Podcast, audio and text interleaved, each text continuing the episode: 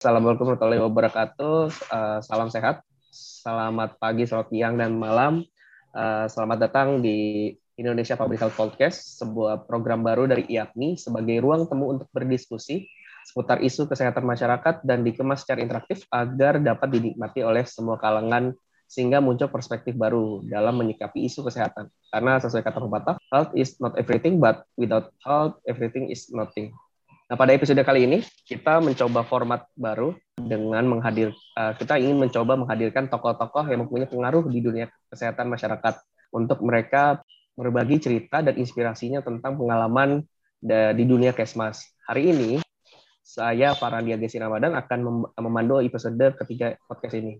Pada episode kali ini uh, sudah hadir tokoh perempuan di dunia kesehatan masyarakat. Beliau berhasil mendapatkan gelar PhD dengan fokus infectious Disease Epidemiology and Population Health pada umur 30 tahun. Selain sebagai dokter, beliau juga seorang ibu dengan tiga orang anak ya, Kak? Tiga. Ya, tiga orang anak dan sekarang aktif sebagai peneliti senior di Indohun dan aktif di uh, Satgas COVID ya, Kak? Satgas Pusat ya, Kak? COVID-19. Ya, ini yang udah mungkin bisa kalau yang nonton di YouTube bisa tahu namanya Kak Dwi Nur Aisyah. Halo Kak. Halo Farandi. Halo, apa kabar Kak? Sehat?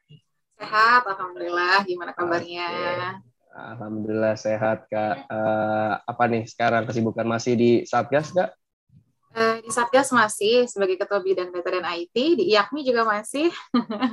ya, sebagai Wakil Sekjen, ya, saya lupa menyampaikan itu.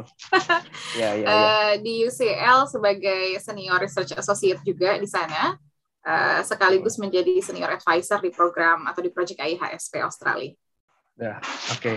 Jadi uh, dengan kesibukan beliau, beliau uh, dan cukup pengalaman, beliau uh, kita rasa pantas sih untuk menjadi bagian pertama dari konten kita uh, menghadirkan tokoh-tokoh Kesmas.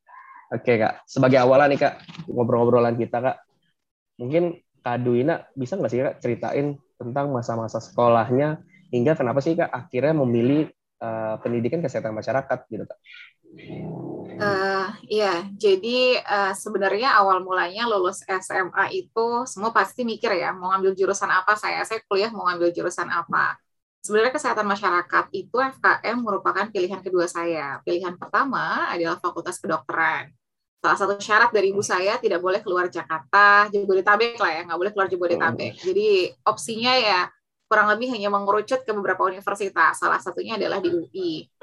Uh, kalau dari dibilang kenapa saya ngambil antara kedokteran, FKM saya ngambil IPC. Satu lagi saya ngambil kalau nggak salah psikologi. Yang ketiganya, juga pilihan oh, ketiga. Uh, karena memang uh, secara keilmuan saya suka dengan biologi.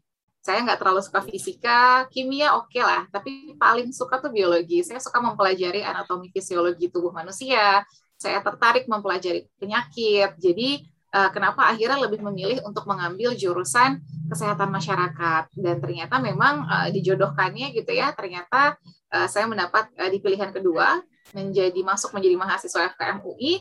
Maka pada saat itu yang saya pikirkan adalah saat saya sudah ditempatkan di sini, saya harus menjadi yang terbaik di bidang ini. Itu Farandi awalnya, kenapa bisa ngambil ke FKM awalnya pilihan kedua ya kak. Dan akhirnya jatuh cinta kak dengan ilmu ini dengan kesehatan masyarakat. Uh, iya karena ternyata ada banyak hal. Jadi kalau menurut saya ilmu itu ada luas ilmu itu ada banyak. Hmm. bukan masalah ilmu apa yang kita ambil namun seberapa besar kebermanfaatan yang bisa kita beri. Nggak peduli apa pun ilmunya.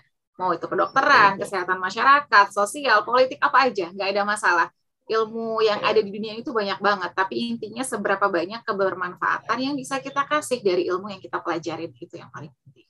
Itu setuju nggak setuju? Emang ilmu itu yang nggak ada batasannya lah. Apalagi kita diingatkan juga selalu untuk belajar ya kak ya. Oke oke. Oh. Tapi kak tadi kakak bicara kesehatan masyarakat pilihan kedua setelah kakak kedokteran. Tapi uh, nggak sekarang kakak sebagai PhD gitu. Ini apakah itu sebuah hal yang sudah kakak rencanakan sejak bangku sekolah bahwa uh, gue nih harus ini nih S2 segini atau S1 segini terus akhirnya gue di S3 sebelum umur 30 tahun gitu kak itu kakak udah rencanain gak sih kak atau emang ya ini udah ngalir aja gitu kak Ya, jadi kalau saya termasuk orang yang uh, orangnya perfeksionis dan sistematis sebenarnya. Jadi pada saat lulus SMA itu sudah langsung dan sudah keterima gitu ya di FKM ya, langsung membuat life plan. Jadi langsung perencanaan hidup, nggak satu dua tahun, tapi sampai umur 60 tahun. Jadi sudah kebayang juga abis lulus S1 mau ke mana, apakah lanjut S2 atau mau kerja dulu, dari S2 apakah ke S3 atau mau di mana. Nah, itu sudah difikirkan bahkan sebelum atau pada masuk uh, pada masa-masa semester 1 ada di FKM UI. Jadi uh, memang sudah direncanakan, nggak tiba-tiba mengalir gitu aja. Dan kalau kita belajar gitu ya dari dari perkataan quotes-nya Alan Laken, uh, kalau kita gagal merencanakan sama aja kita merencanakan kegagalan. Saya banyak belajar dengan menulis life plan, kita jadi tahu apa yang harus kita kerjakan, apa yang harus kita kejar, prioritas apa yang harus dilakukan, bagaimana waktu-waktunya harus kita pisahkan, kita bagi sehingga kita dapat mencapai cita-cita yang kita inginkan. Termasuk ini kak epidemiologi epidemiologinya ini kakak emang udah benar-benar rencanain ya kak? Ah, kalau EPIT itu enggak juga. Jadi kalau EPIT itu kan penjurusan saya lupa semester 3 apa 5 gitu ya di FKM. 5, Kak. Uh, semester 5 gitu ya. Uh, yeah. Jadi kan kita punya waktu 2 tahun gitu ya untuk yeah. belajar, meraba kira-kira sukanya di bidang apa nih. Kita bicara minat, kita bicara bakat. Salah satu hal yang mungkin jadi pertimbangan uh, saya pada saat itu adalah nggak tahu epidemiologi itu menantang buat saya. Satu nggak banyak yang suka karena banyak hafalannya, tapi saya suka menghafal. Jadi bagi saya itu nggak ada masalah. Oh I like this gitu kan. Terus dia lebih dekat dengan uh, apa ya penyelidikan. Dia lebih dekat dengan apa ya? Saya orangnya suka hal-hal yang seperti itu kayak detektif Conan gitu ya. Detektif Jadi suka, ya, Uh, suka menghubung-hubungkan. Saya suka sama penelitian. Saya suka menjawab sesuatu yang belum ada jawabannya. Mencari jawabannya itu apa. Nah, jadi hmm. uh, di sanalah mulai berpikir, oh nggak apa-apa meskipun pada masa saya cuma 10 orang Pak Randi yang masuk di jurusan epidemiologi. Oh. Betul, sedikit banget. Nggak apa-apa, saya menjadi satu dari 10 itu. Itu saya ambil pilihannya meskipun pada saat itu nggak banyak orang tertarik. Tapi bagi saya yeah. pribadi itu sangat menyenangkan.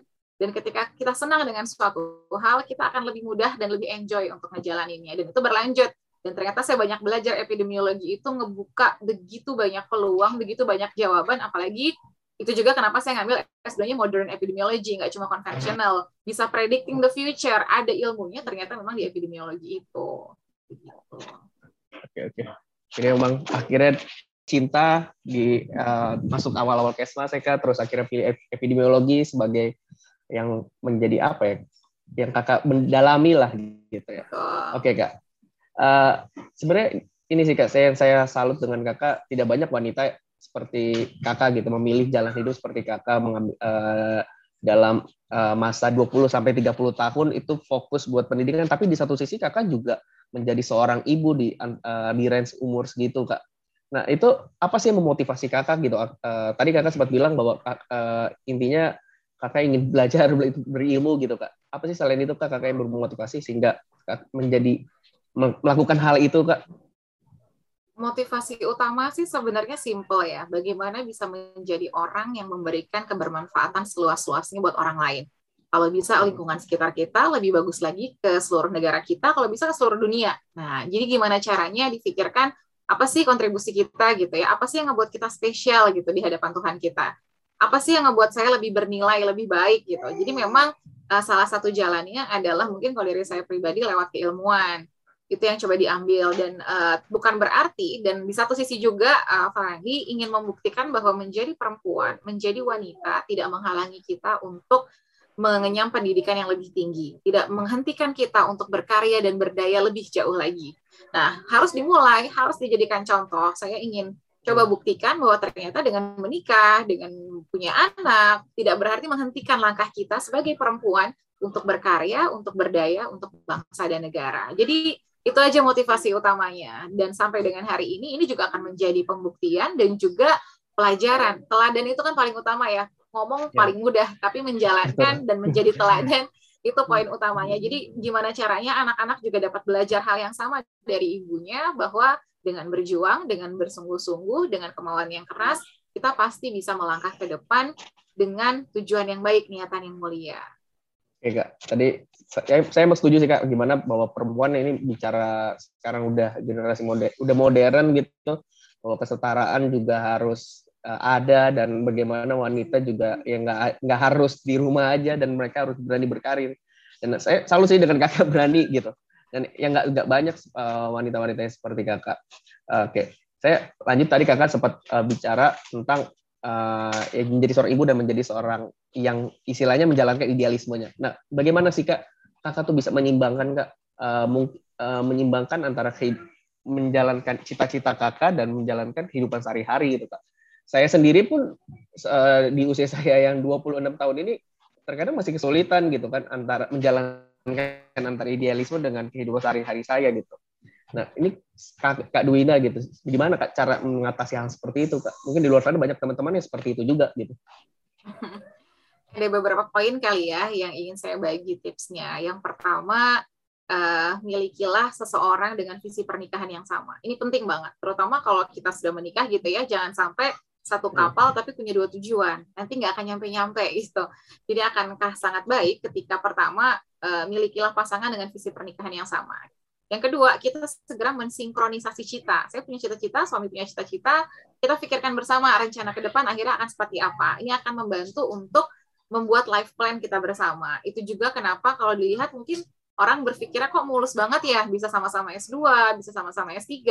Itu bukan yeah. terjadi secara kebetulan. Enggak, bukan coincidence gitu ya terjadinya. Tapi memang sudah direncanakan. Saya duluan S2, suami nyusul S2. Saya S3 duluan, dua tahun saya S3, suami mulai S3 juga. Jadi memang uh, sangat penting untuk punya, kalau saya bilang namanya partner tektok.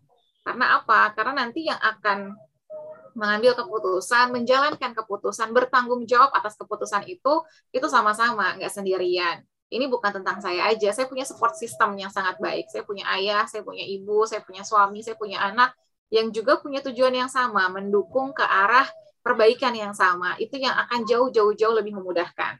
Kemudian yang kedua, bagaimana kita siap menanggung beban sebagai sebuah kebiasaan. Maksudnya apa sih? Siap capek. Itu penting banget. Kalau kita mau berkontribusi banyak dengan mengambil peran lebih dari satu, pasti akan lebih banyak waktu yang tersita. Paling gampang gitu ya, eh, contohnya adalah apa? Mengurangi waktu istirahat kita. Jadi mau nggak mau itu sudah menjadi sebuah apa ya? kayak rumus gitu ya. Kalau kita bekerja sehari 8 jam, nggak mungkin sama dengan mereka yang bekerja sehari 20 jam nggak mungkin outputnya akan sama. Siapa yang paling banyak bekerja ya pasti mereka yang akan mendapatkan. Jadi siap untuk capek. Yang ketiga, latih diri untuk kerja cepat. Ini penting banget. Ketika harus menjalankan banyak peran sebagai istri, sebagai ibu, sebagai mahasiswa S3, sebagai peneliti juga, mau nggak mau kita harus terbiasa membagi waktu. Kita harus terbiasa bekerja cepat agar dalam waktu yang singkat bisa selesai gitu. Jadi kita bisa berbagi waktu dengan lebih efisien lagi. Dan ini dibangun bukan satu dua hari, satu dua bulan. Ini adalah kebiasaan yang harus berulang-ulang, bahkan bertahun-tahun agar menjadi kebiasaan. Jadi dari sekarang untuk teman-teman kesehatan masyarakat semua, mulai dari kuliah, di kampus, coba deh belajar untuk menata waktu, manajemen waktu yang sangat baik, siap untuk bekerja cepat, jangan nunda-nunda pekerjaan, apalagi baru ngerjain kalau sudah mendekati deadline itu salah satu hal yang bikin kita agak keteteran sebenarnya itu. Betul, ya. Jadi bangun ya. karakter diri gitu untuk siap bekerja, uh, siap bekerja cepat, bekerja lebih efisien dan tetap bersikap profesional di mana pun kita berada, peran apa pun yang kita kerja. Itu mungkin para tips. Oke. Kalau boleh tahu berapa kak sekarang waktu tidur kakak cuman sehari empat jam, lima jam kak? Kalau waktu S1 itu literally benar cuma empat lima jam sehari ya. Ini saya uh, akan ada hal yang harus kita bandingkan. Ada masa kita single, kondisi kesehatan kita masih sangat baik banget. Kalau teman-teman masih belum menikah gitu ya, maksimalkan banget masa mudanya, berkarya, berdaya sebanyak-banyaknya karena ketika nanti sudah menikah akan ada lagi tanggung jawab tambahan udah punya anak ada lagi tanggung jawab tambahan gitu apalagi iya. kalau misalnya punya bayi mau nggak mau ya melek-melek terus gitu kan. Jadi ya sudah bisa kebayang lah. Jadi pasti akan ada yeah. perbedaan gitu. Dan tapi pesan utama saya adalah ketika masa muda maksimalkan sekali usia itu untuk dapat memberikan kebermanfaatan setinggi tingginya kita belajar betul. banyak hal sebanyak banyak betul kak. Oke. Nah ini tadi kakak bicara tentang uh, bahwa bagaimana ngebangun diri sendiri gitu untuk menjadi lebih baik kak. Tapi banyak generasi saya gitu. Saya bisa dibilang kita segenerasi nggak sih kakak milenial juga kak? Atau uh, generasi Y? Apa ya? Kira-kira aja deh. Nah, pokoknya ada tanggapan di generasi milenial dan generasi Z bahwa uh, mereka beranggapan bahwa mereka eh, dia bisa kayak gitu karena uh, orang kaya karena ini karena itu. Kalau kakak sendiri melihat uh, tentang privilege gitu apa kakak bagaimana melihatnya gitu? Apakah emang uh, orang sukses itu bergaris bergaris lurus dengan privilege-nya gitu? Atau ya emang semua balik lagi ke diri masing-masing? Kalau lo lo bisa uh, bekerja keras seperti kakak gitu ya ya lo bisa berka, bisa sukses kayak gitu. Menurut kakak gimana kak? Uh, menurut saya privilege itu adalah sebuah rezeki kali ya. Dalam artian ya, memang sebuah rezeki yang memudahkan akan membuka jalan lebih mudah gitu dibandingkan sebagian yang mungkin tidak punya tapi bukan berarti orang-orang yang tidak memiliki privilege itu nggak bisa. Itu yang ingin saya garis bawahi. Apa yang saya alami sejauh ini, jadi Farandi kalau kalau eh, kalau ingin tahu, sebenarnya bapak saya itu nggak lulus SMP, ibu saya nggak lulus SD. Mereka bukan profesor, mereka bukan seorang bangsawan gitu ya. Mereka dari desa jauh-jauh datang ke kota bekerja di sini. Tapi ya tadi saya percaya bahwa keberhasilan seseorang bukan bergantung dari siapa kita lahir, di mana kita berada, privilege apa yang kita punya, berapa IQ yang kita punya. Enggak, tapi semua bergantung dari kebesarnya kesungguhan dan kemauan orang itu untuk bekerja. Itu yang akan ngebuka jauh lebih banyak hal. Mereka yang punya privilege mungkin bisa jadi ada di sebuah, sebuah posisi yang cukup baik, tapi bisa jadi mandek di situ aja. Nggak bisa melangkah lebih tinggi lagi. Tapi ada juga mereka dengan privilege yang sangat terbatas, kondisi yang mungkin nggak ideal, tapi mereka bisa ngebuka begitu banyak jalan kebermanfaatan. Maka itu yang kita kejar. Apa pun privilege yang kita punya hari ini, bersyukur akan hal itu, tapi bukan berarti kalau kita nggak punya kita nggak bisa berbuat. We can do a lot more than what we have gitu sebenarnya. Jadi itu yang saya pesan yeah. sama teman-teman jangan pernah ngerasa takut untuk berkarya jangan pernah yeah. ngerasa takut apakah saya bisa. Kadang kita tuh suka self esteemnya rendah orang Indonesia. Insecure nggak kalau istilah sekarang? insecure banget betul. Jadi jangan uh. takut untuk melangkah ah nanti nggak bisa bahasa Inggris saya jelek gitu ya. Udah takut duluan yeah. padahal belum dicoba. Jangan pernah betul, takut betul. untuk mencoba. Jadi kalau bagi saya lakuin aja gagal itu biasa, ya. berhasil itu baru luar biasa. Iya, iya. Weh, ini kalau istilah orang sekarang kontennya banyak daging nih. Kak Duina banyak banyak kata-kata yang orang-orang mungkin harus bisa terinspirasi nih dengan kata-kata apa kalimat yang Kakak sampaikan. Oke, Kak. Kita lanjut bicarain tentang uh, Kesmas nih, Kak. Secara uh, karena podcast kita tentang Kesmas bukan tentang uh, pribadi Kak. Apa tentang bahas tentang pribadi. Oke, uh, salah satu yang saya uh, saya kemarin baca-baca blog kakak, iseng salah satu karya kakak yang uh, saat S3 lalu adalah uh, Project TBD Care. Nah, boleh nggak sih kak kakak ceritain itu uh, apa yang memicu kakak uh, bisa membuat project itu? Uh, mungkin apa ya bisa menginspirasi teman-teman yang lain buat membuat gerakan seperti kakak ini gitu. Ya, jadi TBD Care itu adalah sebuah inovasi ya, inovasi yang dikembangkan oleh anak-anak dalam negeri gitu ya, dari kita-kita untuk kita, karena kita melihat adanya kesenjangan kebutuhan, terutama Indonesia kan eh, peringkat kedua ya, jumlah kasus tuberkulosis tertinggi di dunia. Jadi pada saat itu adalah bagaimana kita menciptakan solusi menggunakan teknologi untuk menyelesaikan sebuah permasalahan kesehatan di Indonesia kita ikut sebuah ajang kompetisi yang paling bergengsi gitu ya karena didanai oleh Microsoft. Uh, waktu itu saya mengumpulkan tim, kebetulan timnya ini memang kita sebut timnya tim Garuda 45 yang terdiri dari empat orang anak muda yang keempat-empatnya sedang berkuliah di Inggris dan kita merupakan penerima beasiswa Presiden Republik Indonesia. Kita brainstorming, apa sih yang diperlukan sama Indonesia, dan yang menariknya adalah kita semua punya jurusan yang berbeda, Farandi.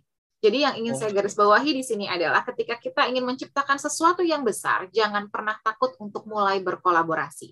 Karena kita nggak bisa nyelesain masalah sendirian. Yeah. Itu nggak mungkin. Jadi kita harus open, mulai dari berkawan dengan lintas jurusan, atau mungkin lintas fakultas, lintas universitas, bahkan lintas benua, harus bisa mulai connecting the dots uh, yang berbeda-beda, kejurusan yang berbeda-beda, lintas disiplin ilmu yang berbeda, karena dengan mengembangkan hal itu, kita justru dapat menghasilkan sesuatu yang jauh lebih besar lagi. Waktu itu saya sedang tadi disampaikan PhD-nya di Infectious Disease Informatics. Bagian kesehatan saya, saya banyak menuangkan what do we need, kita harusnya apa, menemukan gap di lapangan, dan lain sebagainya. Memberikan konsepsi terkait dengan teknologi apa yang dibutuhkan. Saya punya teman yang lagi S3 Robotics di King's College London. Saya punya teman S2 yang lagi ngambil Artificial Intelligence yang ada di Edinburgh, kemudian ada juga yang cyber security uh, and privacy itu juga ada di Edinburgh. Jadi kita berasal dari keilmuan yang beda-beda, kita ngumpul di dalam satu wadah, kita menciptakan, memikirkan apa yang bisa kita hasilkan untuk mengurangi masalah bangsa. Nah, dan kita ciptakanlah TB Care itu. TB Care itu adalah sebuah alat pendeteksi otomatis Mycobacterium tuberculosis menggunakan handphone untuk mengurangi human error mata yang melihat ke mikroskop instead of mata kita buat mesin yang akan mikir. Jadi pakai AI, udah pakai machine learning, udah pakai artificial intelligence untuk menghitung berapa banyak jumlah bakteri TB yang ditemukan dari uh, sputum yang sudah ada di laboratorium. Itu yang kita kembangkan Farandi untuk meringankan uh, mengurangi adanya uh, uh, bias atau mengurangi adanya human error dalam hal uh, melakukan penghitungan jumlah bakteri kita gantikan dengan mesin dan teknologi seperti itu. Uh, itu termasuk bagian dari epidemiologi modern, kak. Maksud, uh, maksud saya gini, uh, kadang orang, orang kita masih belum begitu familiar ya gitu, khususnya juga masyarakat umum belum begitu familiar tentang epidemiologi gitu. Uh, apa sih sebuah prosesnya gitu kan. Nah, apakah yang kakak kerjain itu masuk dari epidemiologi uh, modern kak? Yang tadi kakak ambil di S2? Sebenarnya nggak langsung relevan dengan epidemiologi modern. Ilmu epidemiologinya digunakan, terutama untuk melihat tadi ya terkait dengan uh, risk factors, faktor resikonya, determinannya, terkait dengan sebaran distribusinya, identifying the problem, itu pakai rumusnya ilmunya ilmu kesmas sebenarnya daripada ilmu epidemiologi. Tapi kemudian yang lebih kuat adalah sisi teknologi. Nah, di sini memang yeah. sejak S1 saya sudah banyak terlibat uh, untuk tadi karena suka ngoprek gitu ya, sukanya ngembangin inovasi, udah sering memang berkolaborasi dengan teman-teman dari Fasilkom, teman-teman dari Fakultas Teknik. Jadi udah cukup paham gitu kenapa S3-nya juga Infectious Disease Epidemiology and Informatics. Nggak hanya sampai epidnya aja, tapi juga ada informatikanya. Nah, informatika ini yang ngebantu untuk membuat pemahaman terkait dengan apa sih data yang dibutuhkan seperti itu. Sedangkan kalau modern epidemiology dia lebih ke arah pada saat S2 banyak belajarnya predicting the future, gimana melakukan infectious disease modeling, gimana penghitungannya, parameter yang digunakan, kayak gitu. Jadi mungkin nggak langsung 100% correlated, tapi yang jelas background keilmuan epidemiologinya itu memang digunakan terutama dalam identifying the problems-nya, kemudian faktor-faktor risiko yang harus kita perhatikan pada saat mengelola atau mengembangkan sebuah solusi tapi ini memang kita tarik ke arah diagnostiknya gitu karena kan intervensi ada beberapa tahapan ya kita tarik yeah. arah diagnostiknya karena memang masalah di Indonesia itu ada dua untuk tuberkulosis diagnostik dan yang kedua adalah follow up pengobatan Oke, sehingga nggak memutus mata rantai penularan ya kak ya oh. oke oke ya kak kita lanjut lagi kak. Jadi lihat tadi kan sempat cerita ya gimana kondisi TB di Indonesia gitu. Terus sekarang juga Indonesia sedang pandemi. Di, di satu sisi juga beberapa penyakit infeksius atau menular masih juga banyak selain TB. Ditambah lagi double burden kita penyakit tidak menular gitu kak. Iya, intinya adalah uh, Indonesia itu sebuah bangsa besar ya. Yang harus kita pahami adalah Indonesia adalah bangsa besar dengan jumlah populasi tertinggi keempat di dunia. Ada banyak sekali permasalahan yang perlu kita selesaikan bersama. Mulai dari tadi disebutkan ada banyak penyakit menular, ada penyakit tidak menular. Kita juga masih punya uh, tantangan di bidang health security kita, health capacity kita masih harus ditingkatkan dengan jumlah kebutuhan yang begitu banyak. Dan akhirnya kita juga belajar banyak dari pandemi ini gitu ya. Pandemi ini mengajarkan kita banyak hal bahwa ternyata PR bangsa Indonesia untuk memperkuat ketahanan kesehatan masyarakatnya masih sangat banyak. Jadi itu yang saya lihat, itu yang saya pelajari, maka butuh bantuan teman-teman semua di kesehatan masyarakat untuk sama-sama merubah kondisi kedaruratan kesehatan masyarakat untuk berubah menjadi ketahanan kesehatan masyarakat. Ruang lingkupnya banyak banget. Mulai dari teman-teman yang bisa ngebantu kontak tracing-nya, surveillance-nya, analisis data. Kalau saya mungkin lebih banyak bermain di pengembangan sistem informasi terintegrasi untuk pengumpulan data, analisis, rekomendasi, tapi banyak banget tempat-tempat yang bisa kita lakukan sampai dengan health promotions-nya. Kayak sekarang kan perubahan perilaku menjadi hal yang paling penting untuk memutus mata rantai penularan COVID-19. Dan semuanya, konsep keseluruhan itu adalah konsepnya Kesmas. Kesehatan masyarakat berperan sangat penting ya. sekali dalam penanganan pandemi ini.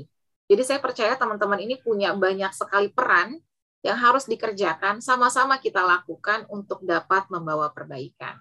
Itu dari saya, Farandi kita emang emang harusnya ini masalah seperti ini emang kesmas banget cuman emang kadang ya yang yang ininya sih bagian birokrasinya ya kadang ya kita masih suka terhambat gitu kebijakan-kebijakan yang masih kadang uh, kita masih ya kita buat mengeksplor atau mengeluarkan jati diri kita sebagai cashmas kadang juga masih belum bisa maksimal gitu. Tapi kalau bicara ini kak, uh, tadi kan kakak bicara uh, teknologi gitu kak. Sebenarnya kita itu permasalahannya juga adalah dari data itu kadang kita masih dianggap nggak menjadi bagian penting gitu dalam pembangunan kesehatan gitu kak. Nah, bagaimana tanggapan kakak sebagai videol karena di mana uh, untuk meng, uh, data ini menjadi bagian kunci gitu kak, bagian kunci dalam pembangunan gitu. Menurut kakak gimana kak? Uh, iya, saya percaya bahwa data itu memegang peranan yang super penting dalam hal apa pun, termasuk pengambilan kebijakan. Nggak ada pandemi aja, data tuh udah berperan penting. Jangan sampai kita ngambil strategi salah gitu ya. Apalagi pada saat pandemi, di mana dibutuhkan pengambilan kebijakan dengan cepat, namun juga diharapkan dapat tepat sasaran. Maka data berperan sangat penting di sana untuk bisa memberikan gambaran atau arah apa sih yang saat ini terjadi, apa sih yang kemungkinan akan terjadi, uh, apa sih hal-hal yang menambah kompleks permasalahan saat ini? Ini semua letaknya ada di data. Dan kita belajar bahwa di Indonesia memang uh, masih ada banyak sekali perbaikan yang harus dilakukan uh, saat ini pun sembari berjalan. Perbaikan-perbaikan itu tengah dilakukan gitu untuk menyatukan data, mengintegrasikan data, meningkatkan penginputan pelaporan data. Jadi kalau melihat data sebenarnya bukan hanya data matang ya. Kita harus evaluasi dari titik awalnya. Yeah variabel yang disajikan sudah cukup atau belum untuk melakukan analisis. Penginputan data apakah dilakukan secara rutin, lengkap, time response-nya bagus. Kalau kayak sekarang kita lihat banyak laporan bolong, kadang sulit juga untuk kita interpretasi, sulit untuk dianalisis. Kemudian secara proses, apakah sudah terintegrasi dengan data-data yang lain sehingga bisa jauh lebih bermakna, berbunyi untuk pengambilan kebijakan.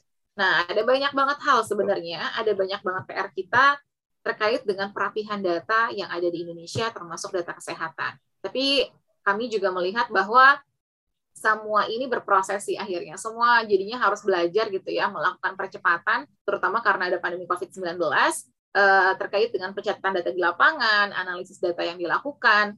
Harapannya adalah dapat memberikan eh, rekomendasi atau kebijakan yang lebih sesuai dengan kondisi di lapangan. Meskipun tantangannya saya bilang bukan hal yang mudah, kadang kita nggak paham bahwa ternyata Indonesia luas banget ya, kita nggak bisa samakan tenaga SDM yang ada di Jakarta dengan yang ada di ujung Indonesia Timur misalnya. Yang satu lebih cepat, secara akses internet baik, di sana megang laptop juga masih belajar, jadi kita nggak bisa kadang gitu ya mengharapkan semuanya mampu berlari, itu harapan kita. Tapi terkadang kita masih ya. punya banyak PR di sana, dan ini PR kita sama-sama sebenarnya untuk dapat memberikan perbaikan-perbaikan ke depan, termasuk dengan data itu sendiri. Uh, salah satu salah satu targetnya adalah kan uh, big data di bidang kesehatan ya kayak uh, pemerintah menargetkan big data supaya kita bisa lebih uh, bisa memprediksi kan ke depannya kondisi Indonesia seperti apa dan arah pembangunan. Nah, kakak melihatnya apakah itu akan tercapai kak 5-10 tahun lagi kak? Kakak sebagai orang yang expert di bidang sistem ini kak, sistem kesehatan? Uh, kalau saya bilang sih mungkin tercapai dalam 5-10 tahun mungkin tercapai kita ngelihat sekarang sudah mulai dilakukan banyak terobosan ya dalam artian mungkin dulu kita kita paham ada banyak puluhan aplikasi gitu ya, ya tidak betul. saling komunikasi dia harus input berkali-kali gitu betul. saat ini sudah Lagi. mulai dilakukan perapihan lah kalau saya lihat kayak mulai dari covid ini sendiri saya belajar sudah mulai diintegrasikan data laboratorium dengan data yeah. dinas kesehatan kemudian ada lagi data rumah sakit PR-nya banyak saya nggak bilang PR-nya sedikit butuh effort yang besar iya butuh sekali tidak hanya dari kecakapan teknologi, tapi juga sampai kapasitas SDM kita. Kadang teknologinya sophisticated, tapi kalau tidak dibarengi dengan kapasitas literasi digital orang-orang yang ada di lapangan, ini juga nggak akan bisa jalan. Ya. Jadi kita butuh sama-sama lah. Ada penguatan di sisi capacity building untuk orang-orang hmm. di lapangan, secara infrastruktur, secara teknologi, secara data juga dilengkapi, alur berpikir dari ujung sampai ujung ini juga harus dibenahi dengan maksimal. Tapi kalau ditanyakan mungkin atau enggak, saya percaya itu bisa. Ya kak, saya juga ngerasain, saya kemarin dua tahun uh, bertugas di Nusantara Sehat kak di uh, daerah pelosok. Emang literasi digital itu emang menjadi problem banget sih dalam uh, dalam pencatatan, pelaporan gitu. Yang kadang orang-orang uh, orang kesehatan nih sebenarnya data itu penting gitu.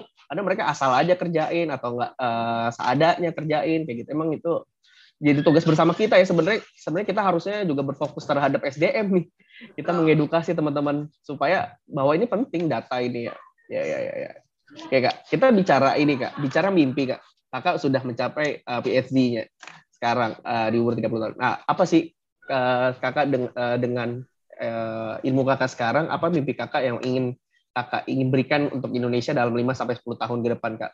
Mungkin pasti kakak ini kan tadi bicara punya idealisme yang tinggi nih, Kak. Nah, apa sih yang rencana kakak? Uh, ya, kalau misal ditanyakan apa sih uh, rencananya, intinya tetap tidak berhenti untuk berkontribusi. Itu udah pasti. Kalau bisa skalanya scale up gitu ya, sampai level nasional, gimana bisa membawa perubahan dan perbaikan, terutama dalam sistem pencatatan dan pelaporan data kesehatan yang ada di Indonesia. Mungkin salah satunya tadi yang Farhan disebutkan, akan bermain atau membantu berkontribusi bagaimana mewujudkan satu data kesehatan, big data kesehatan kita benar-benar bisa berjalan dalam beberapa tahun ke depan. Mungkin itu beberapa targetan kali ya yang saya harapkan dapat berjalan. Karena kemarin pada saat ngebantu di Satgas, jadi ketua bidang data dan IT, benar-benar melihat titik-titik lemah kita ada di mana, butuh banyak sekali effort bersama untuk kita melakukan perubahan, tapi bukan berarti hal yang nggak mungkin gitu. Itu sesuatu yang possible. Eh, kita butuh kolaborasi, koordinasi dengan banyak pihak itu pasti, tapi bukan sesuatu hal yang tidak mungkin. Artinya bisa dikerjakan. Jadi itu mungkin salah satu mimpi saya kali ya dalam beberapa tahun ke depan uh, dapat mulai berkontribusi terutama dalam mewujudkan satu data kesehatan Indonesia yang jauh lebih baik, jauh lebih reliable, uh, jauh lebih kualitasnya lebih baik lagi dari apa yang ada sekarang. Ya. Sebenarnya kalau saya boleh usul, sebenarnya salah satu hambatannya bukan hanya literasi digital sih, Kak. Sebenarnya antar Pemda dengan pemerintah pusat kadang itu juga nggak sinergis. Karena pemerintah pusat udah punya aplikasi nih tentang pendataan, ntar pemerintah daerah bikin lagi atau apa gitu kalau punya dana banyak ya nggak sih kak gitu. dan pemdanya juga ya. harus di break di breakdown lagi Mbak, bukan hanya Betul. masalah pusat dengan daerah, kabupaten, kota sama provinsi aja bisa beda. Nah, jadi memang iya. sekompleks yeah. itu gitu. Kadang ada yang mungkin uh, apa kabupaten kotanya kuat, mereka sudah mengembangkan gitu ya. Ini juga beda sama provinsi. Provinsi beda lagi sama yang pusat. Jadi kadang melihat data itu ya tadi ada kompleksitas karena Indonesia besar. Ini yang harus kita pahami. Indonesia tuh besar dengan sistem desentralisasi. Nah, jangan lupa kita juga punya keunikan Betul. di sana. Kita nggak bisa yeah. semuanya harus pakai ini gitu ya. Bisa yeah. sih dipaksa seperti itu, tapi terkadang kita akan tetap menemui beberapa challenge di lapangan bahwa terkadang ditemukan muncul aplikasi-aplikasi lain yang mungkin yeah. tidak hanya dari satu pemerintah pusat aja, pemerintah pusat juga bisa bikin lebih dari satu gitu ya, pemerintah daerah juga bisa bikin lebih dari satu. Jadi itu yeah. juga ya challenge benar di lapangan. Saya sepakat sih itu. Sehingga jadi miss data ya kak, kadang ya seperti awal-awal kan kayak main COVID antara angka kematian, angka kasus itu ya. Emang jadi PR bersama ya kak, gimana uh, kita Kesmas sih harusnya mungkin teman-teman juga di daerah harus mulai berani berkontribusi ya di daerahnya ya kak nggak harus dari melulu dari pusat ya kak. Setuju gak kak? Sepakat karena memang ini tadi yeah. saya bilang titik kunci kita tuh kurangnya adalah di bagian kolaborasi dan koordinasi. Nah koordinasi ini nih yang harus semakin diperkuat lagi. Uh, jadi tidak hanya top down approach gitu ya tapi bottom up tetap harus dari bawah ke atas juga berjalan. Dan bagaimana mensinkronkan keseluruhan hal tersebut dalam satu environment lingkungan data yang sama itu PR ke depannya Farandi. Ya ya ya setuju kak. Ini kita PR kita sama nih generasi kita muda yang katanya kan 2045 sebagai generasi emas Indonesia Mas, jangan sampai ya. uh, kita karena data kita kesehatan belum bagus dan jadi nanti 2045 bukannya generasi emas yang produktif tapi generasi yang pada sakit-sakitan karena perencanaan kesehatannya kurang bagus gitu kan pembangunan kesehatan kurang bagus yang sampai seperti itu terjadi ya kak karena fatal ya. ya. Oke sebelum menutup kak ada hal yang ingin uh, belum uh, ingin kakak sampaikan karena mungkin tadi belum sempat dibahas gitu kan terkait apa pun itu baik itu tentang kesehatan tentang epidemiologi atau tentang karir gitu kak. Silakan kak. Mungkin pesan uh, saya untuk teman-teman kesma semua gitu ya. Tadi kita udah berbicara banyak. Yang pertama jangan pernah takut untuk bermimpi. Jangan pernah takut untuk berkarya dan berdaya untuk negara. Mulai dari sekarang asah diri kalian untuk dapat memberikan uh, kontribusi terbaik, potensi maksimal dari diri kalian dikeluarkan dengan cara apa? Yang pertama adalah uh, mulai berpikir analytics. Ini penting banget. Kadang kita kekurangan iya. orang-orang yang bisa berpikir jauh lebih dalam gitu ya, deep analysis, advanced analysis itu dibutuhkan. Uh, analytical thinking framework-nya dibangun mulai dari sekarang. Yang kedua, uh, expanding your network, tidak hanya berkutat dalam satu ilmuwan yang itu-itu aja, kadang ada masanya kita harus berkolaborasi untuk mencari titik temu sebuah solusi. Jadi silahkan mulai melebarkan sayap gitu ya. berteman, berkolaborasi, berkoordinasi, berkomunikasi dengan teman-teman dengan jurusan yang berbeda. Kemudian yang ketiga adalah uh, harus bisa mendapatkan isu-isu update. Karena kan keilmuan terus bergerak gitu ya. Kita ngomongin COVID-19 udah berapa banyak kebijakan yang harus berubah karena virus ini juga terus berubah gitu. Terus uh, mengupdate diri kalian dengan isu-isu kesehatan yang terkini, uh, perbanyak ilmu pengetahuan, banyak baca, jangan pernah jangan cepat puas dengan apa yang sudah kita ketahui saat ini.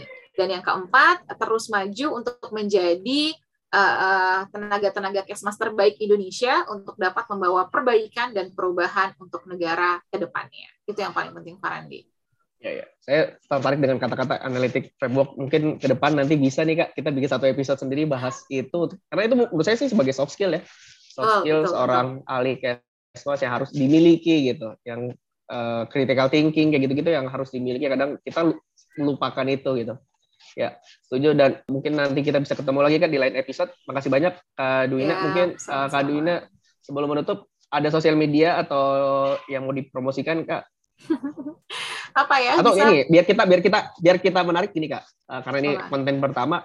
Ada rekomendasi buku nggak kak? Buku yang uh, tadi kan kakak udah uh, memberikan inspirasi buat teman-teman. Mungkin ada buku yang menurut kakak juga bisa menginspirasi teman-teman yang pendengar atau penonton. Apa ya kalau buku? Ini kalau saya lebih mainnya di epidemiologi sih Uh, saya suka baca, oh. saya suka baca buku Modern Epidemiology itu menarik juga buat saya. Tapi uh, khawatir nanti itu bahasa Inggris sih, jadi nanti mungkin teman-teman bisa uh, coba cari juga yang versi di Indonesia udah ada belum ya sih juga kurang tahu. Saya waktu itu bacanya direkomendasikan juga sama supervisor saya di Inggris terkait dengan uh, Modern Epidemiology. Beberapa kasus-kasus infectious disease modeling juga mulai bisa dibaca karena menurut saya salah satu hal yang kurang. Sekarang udah lebih marak uh, kayaknya beberapa tahun lalu pas saya S2 tuh nggak ada yang ngebahas terkait dengan modeling sama sekali uh, untuk uh, prediksi penyakit ya. Sekarang sudah mulai lebih sering. Jadi kayak uh, ayo temuin apa-apa yang harus kita buat negara kita jauh lebih baik, jauh lebih maju dengan keilmuan apa di bidang kesehatan masyarakat. Kita boleh belajar di luar, kita bawa balik ke dalam untuk diimplementasikan dan dapat dipergunakan untuk kemaslahatan orang yang jauh lebih banyak. Itu sih yang paling penting ya, modern epidemiologi ya kak. Ya boleh. boleh. Nanti di, direkomendasi untuk buat teman-teman yang memperdalam tentang uh, epidemiologinya kan bisa dibaca itu. Karya tulisan siapa penulisnya siapa kak tahu kak? Aduh, saya lupa nggak nggak ini okay. nggak. Bisa di googling lah nanti bukunya. Bisa di googling ya. nanti. Oke okay, kak. Uh, terima kasih semuanya sudah menyaksikan podcast Indonesia Public Health episode ketiga. Uh, ini Kak Duina bisa diikuti di mana kak sosial medianya atau uh, ada ya, ini kak? Uh, bisa di Instagram aja kali ya. Saya udah nggak terlalu sering tune in juga sih di sosmed, uh. tapi bisa ke Instagram di dewi.m.aisyah. Nah, bisa okay. di sana ya kali aja pengen uh, tanya-tanya atau pengen tahu lebih dalam tentang Kadina, silakan aja follow uh, Instagramnya. Oke, nanti kan episode selanjutnya kita akan hadir setiap dua minggu sekali. Uh, podcast ini akan ditayangkan melalui YouTube di channel IAKMI Official dan platform-platform podcast seperti Anchor FM, Spotify dengan nama Indonesia Public Health Podcast. Jika Anda suka podcast ini, jangan lupa like dan share konten ini agar orang lain tahu tentang konten ini. Terima kasih, Kak Dewina. See you.